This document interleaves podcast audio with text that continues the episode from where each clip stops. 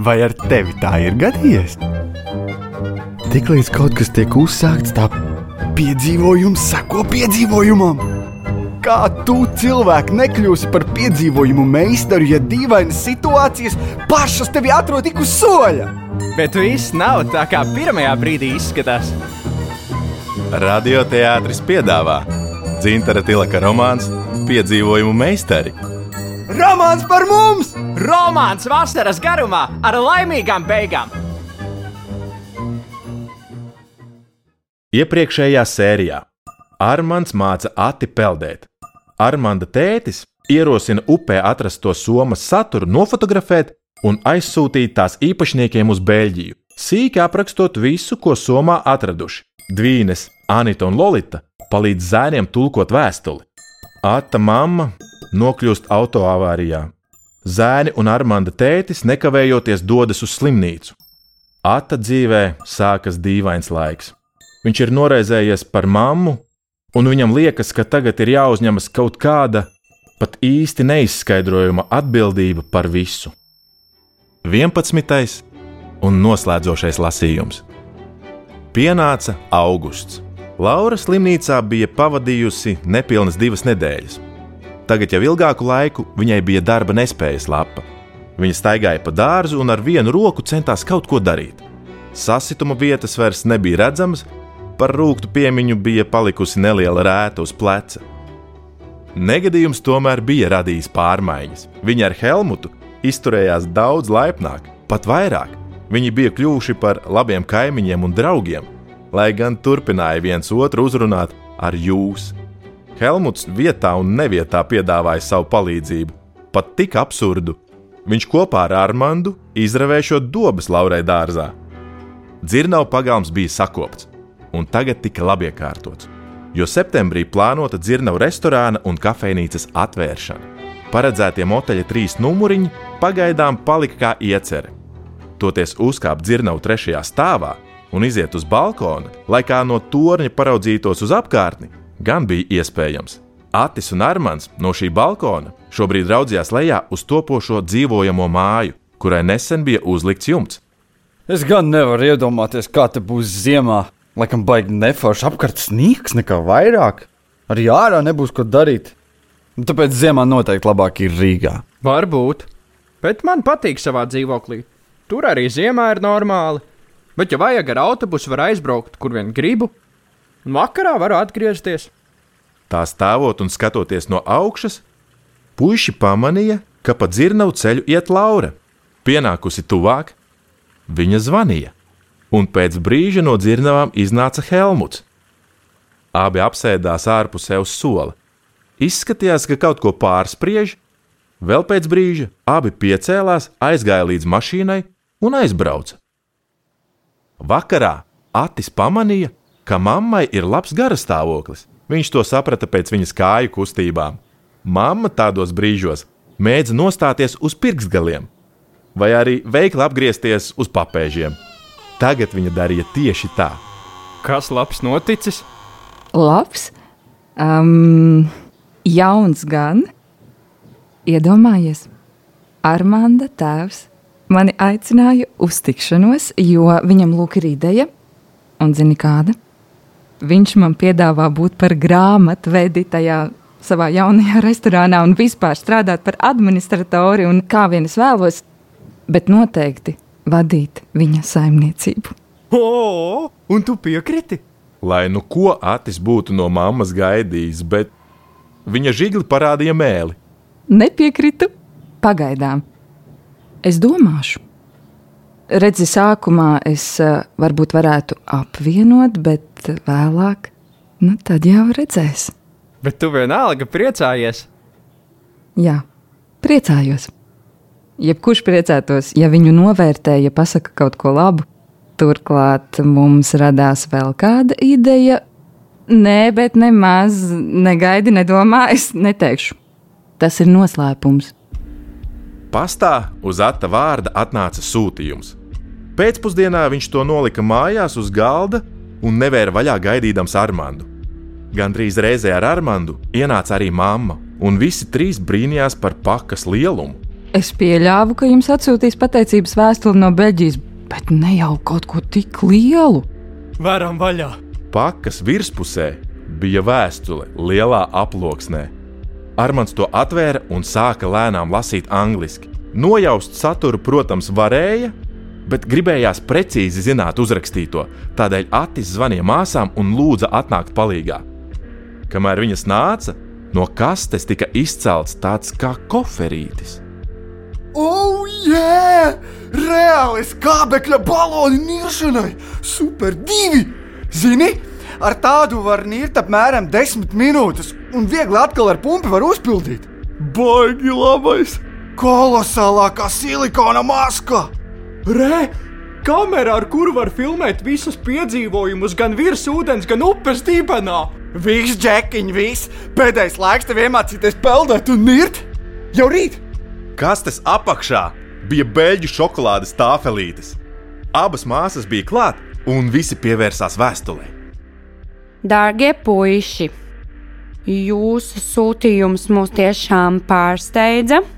Mēs nekad nebūtu pat iedomājušies, ka atkal redzēsim to, ko pazaudējām pirms tik daudziem gadiem.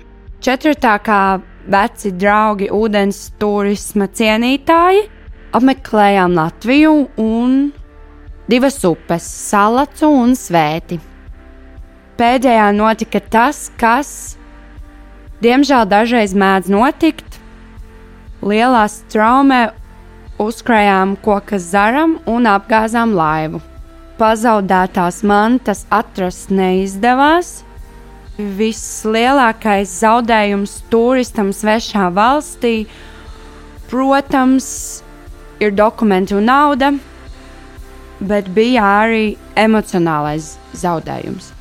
To pārdzīvot bija visgrūtāk. Ah, tā ir vēstule no meitas Ankes, un viņas pēdējā fotografija. Anka gāja bojā 1994. gadā, strādājot kā brīvprātīgā Āfrikā. Viņas vēstuli un foto mēs, viņas vecāki, vienmēr visur ņēmām līdzi, gluži tāpat kā pašu Anki, kad viņa bija maza meitene un ceļoja kopā ar mums. Tādēļ zaudējums upē bija emocionāli smags. Pagājušie garie gadi mēs ar notikušo sen jau bijām samierinājušies, bet te jūsu sūtījums, un mēs atkal varējām satikties ar savu Anki. Par to jums visirsnīgākais paldies! Mēs esam pārsteigti arī par jūsu cenšanos saglabāt un atdot visu zaudēto. Jā, jūsu cenšanos saglabāt un atdot visu zaudēto, ieskaitot fotogrāfijas, naudu un kredītkartes. Naudu jūs noteikti varējāt paturēt kā balvu. Bet, ja izlēmāt tā rīkoties, mēs jums nosūtām šo dāvanu, cerot, ka noderēs turpmākajos niršanas pasākumos un jūsu vasaras atpūtā. Ja kādreiz plānosiet apmeklēt Beļģiju, tad ziniet, ka jums un jūsu vecākiem mūsu mājas durvis vienmēr būs atvērtas. Dziļā cieņā Brent Laurent, Elīna Laurent. Lolita bija beigusi lasīt, un istabā kādu brīdi valdīja klusums. Anitai un arī Ata mammai nobira pa aizkustinājumu asarai. Arī Jārmānda seja bija izstiepusies gara un smaids pazudis. Atis visus vēroja no malas, sevi no malas viņš neredzēja, vien jūta tādu kā smilšu graudiņu krēsajā acī. Labie darbi vienmēr atmaksājas ar uzviju. Varbūt uzcienās visus ar šokolādi. Augusts atnāca gan negaidīts, gan gaidīts. Negaidīts, kā jau pēdējais vasaras brīvlaika mēnesis, kurš tagad likās pārāk ātri steidzamies, bet gaidīts tādēļ, ka abiem puišiem šajā mēnesī ir dzimšanas dienas, kā izrādījās, tikai ar četru dienu starpību. Ati tas apmierināja, jo viņš tomēr bija četras dienas vecāks par Armandu. It kā sīkums, bet patīkami. Helmuts ierosināja nosvinēt neparasti. Abiem jubilāriem kopā jaunajā dzirnavu zālē, kurā līdz šim vēl nekas nebija rīkots, un šīs svinības varētu būt kā zāles atklāšana. Ata mamma gādāja par gardumiem, pirmo reizi iepazīstot jaunā restorāna virtuvi. Armanda tētis bija sagādnieka lomā, un kad viss bija gatavs, zāles atklāšana un svinības varēja sākties.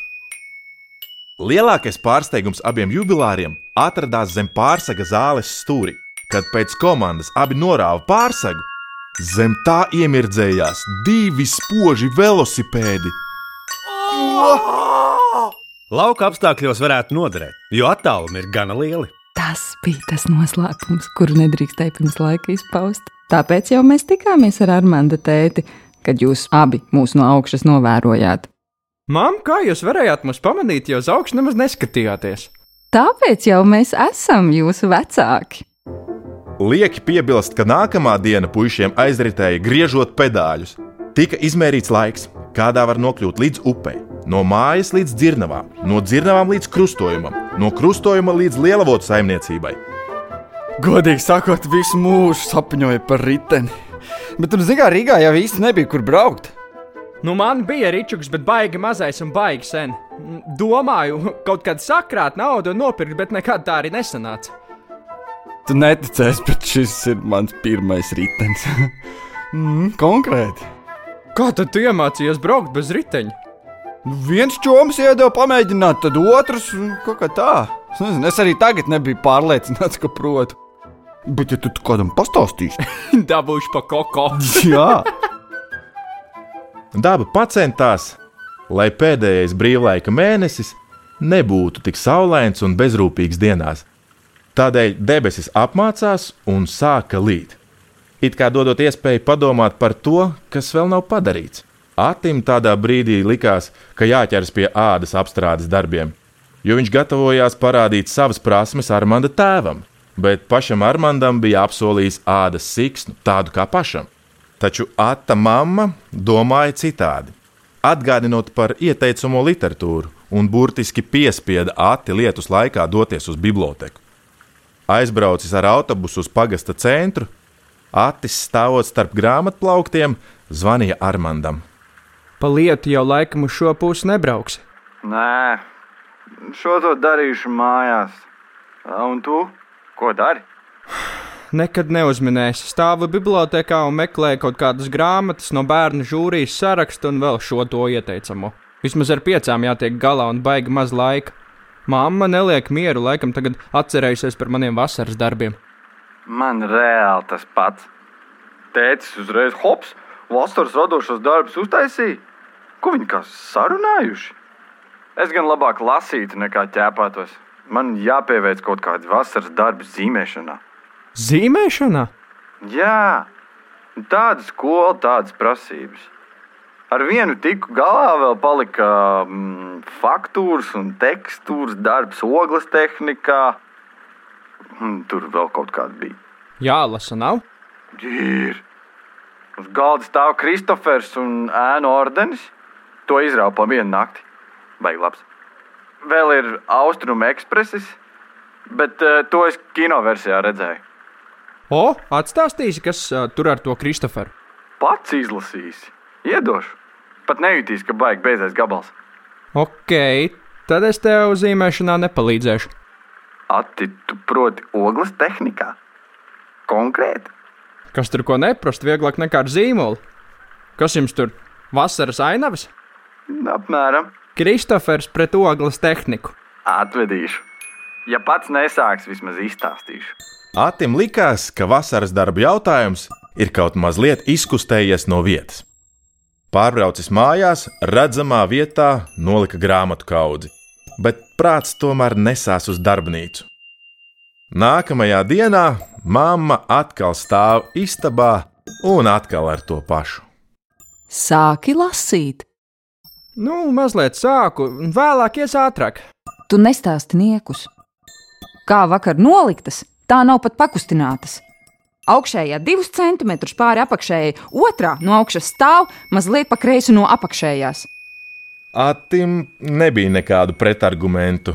Viens secinājums, ka mamma ievēro pilnīgi visu.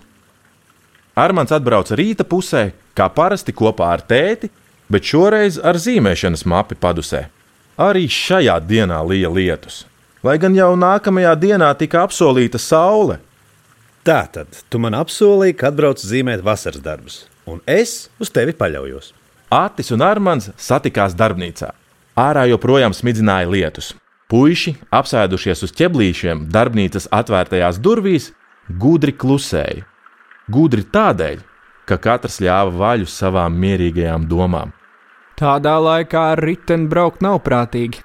Mm, tāpat kā iet uz upi. Tā jau slapjuma pietiek. Palīdzēs uz rāmju uzstiept tādu, Protams, Pēc pāris stundu darbošanās sagribējās kaut ko iekost, un Atis uzaicināja uz sviestmaizi. Abi iegāja dzīvoklī. Atis grasījās uzsmērēt dažas ķēlītes, pagriezās, lai atvērtu leduskapi, kad ieraudzīja pie durvīm ar magnētu piestiprinātu lielu aploksni. Paņēma to, sāka lasīt. neko nesaprotu. ko nesaproti. Lasi skaļi! Pārtika leduskapī un skapītī pie izlietnes. Ja pietrūks nedaudz naudas, ir parastajā vietā. Ja rodas problēmas, drīkst zvanīt, atšķirībā no citiem noteikumiem. Divatā dzīvoklī vietas ir pietiekami, novēlam veiksmi lasīšanas un zīmēšanas darbos. Atgriezīsimies, kad visu būsiet paveikuši, bet, lai pārliecinātos, atsūtiet pierādījumus. Mama Laura, tētis Helmuts. Tu kaut ko saprati? Paskaties! Lapas otrā pusē ar lieliem burtiem rakstīts Ultimāts! Armāns smaidīja. Tad sāka skaļi smieties. Pēc brīža burtiski rēca no smiekliem. Tas pielipa arī atim, un smiekla pieauga līdz asarām. Kas notika tālāk? Pārvāksies! Nē, uzmērē bačka maizīti. Laura ar Helmutu atgriezās. Lai gan ne gluži visi pušu vasaras darbi bija līdz galam padarīti tieši šajās dienās. Piemēram, grāmatu Kristofers un ēnu ordenis Attis izlasīja pēc nedēļas, kad bija pabeidzis darbu pie ādas siksnas, ko uzdāvināt Armandam. Krišjānis nolēma neieguldīt naudu mopēdā, bet gan labāk nopirkt normālu riteni. Kāpēc tā? Lai varētu pievienoties Atim un Armandam komandā ar nosaukumu Trīs ritenis. Anita un Lorita Rolmanis pārbrauca uz savu jauno māju, kur katrai bija sava istaba. Beidzot, bet droši vien ar vienādām tapetēm. Dzirnavu restorāns tika atklāts mazliet vēlāk, oktobrī, bet dzīvojamā māja mazliet agrāk nekā tika plānots. Tas tādēļ, ka Helmutam nedaudz mainījās lietu kārtība un apmešanās šajā pusē kļuva svarīgāka. Tas savukārt tādēļ, ka Helmuts ar Armānda atļauju nolēma apprecēties. Dīvaini, bet gandrīz vienlaicīgi arī Laura saskaņoja ar Ati nozīmīgu soli iziet pie vīra, un vēl dīvaināk, ka Atis ar prieku piekrita. Atis atgādināja Armandam, ka muldēšana un izlikšanās par brāli vai arī pusbrāli var kādreiz pārvērsties īstenībā. Bet Armāns iebilda, ka tā bija ata ideja. Lai nu kā, bet viņiem vienam ar otru tagad bija jārēķinās daudz vairāk. Piedzīvojumi, gan mazi, gan lieli, notika bieži. Jautājums tikai, ko mēs uzskatām vai neuzskatām par piedzīvojumu. Puisi auga tāpat kā viņu piedzīvojumi. Pamazām soli pa solim viņi veidojās par piedzīvojumu meistariem. Šī apzīmējuma labākajā nozīmē. Ja šajā brīdī jautātu, vai viņi ir laimīgi, abi minstinoties liktu kopā labos brīžus, izdošanās un neizdošanās, un ar botes purngalu zīmētu lokus smiltīs, un beigās atzītu, jā. Bet, ja šo pašu jautājumu uzdotu Laurai un Helmutam, viņi trīs sekundžu laikā pagūtu atbildēt, ka ir laimīgi. Tagad nu gan šim stāstam varam pielikt punktu ar pasakās daudzināto. Viņi dzīvoja ilgi un laimīgi. Ir izskanējis Dzintara Tilaka romāns Piedzīvojumu meistari. Par visiem zēnu piedzīvojumiem radiolasījumā netiek izstāstīts. Par tiem tev pašam jāizlasa dzintara tilaka grāmatā Piedzīvojumu meistari, ko izdevusi izdevniecība Zvaigzne ABC. Radiolasījumā lomas ierunāja Atis Agris Krapivņīckis, Armāns Toms Veličko, Armanda tētis, Girts Alsters, Atta mamma, Inga Tropa, Dvīnes, Anita un Lolita, Elizabete Krastiņa, Krišs, Alberts Vecmanis. Piedzīvojumiem līdzi sekoja režisors Juris Jonelis, skaņu režisors Ivo Tauriņš un es Mārtiņš Počs. Radio lasījumu veidoja Laima Matuzāle, producente Māra Eglīte. Latvijas radioteātris 2020. gads.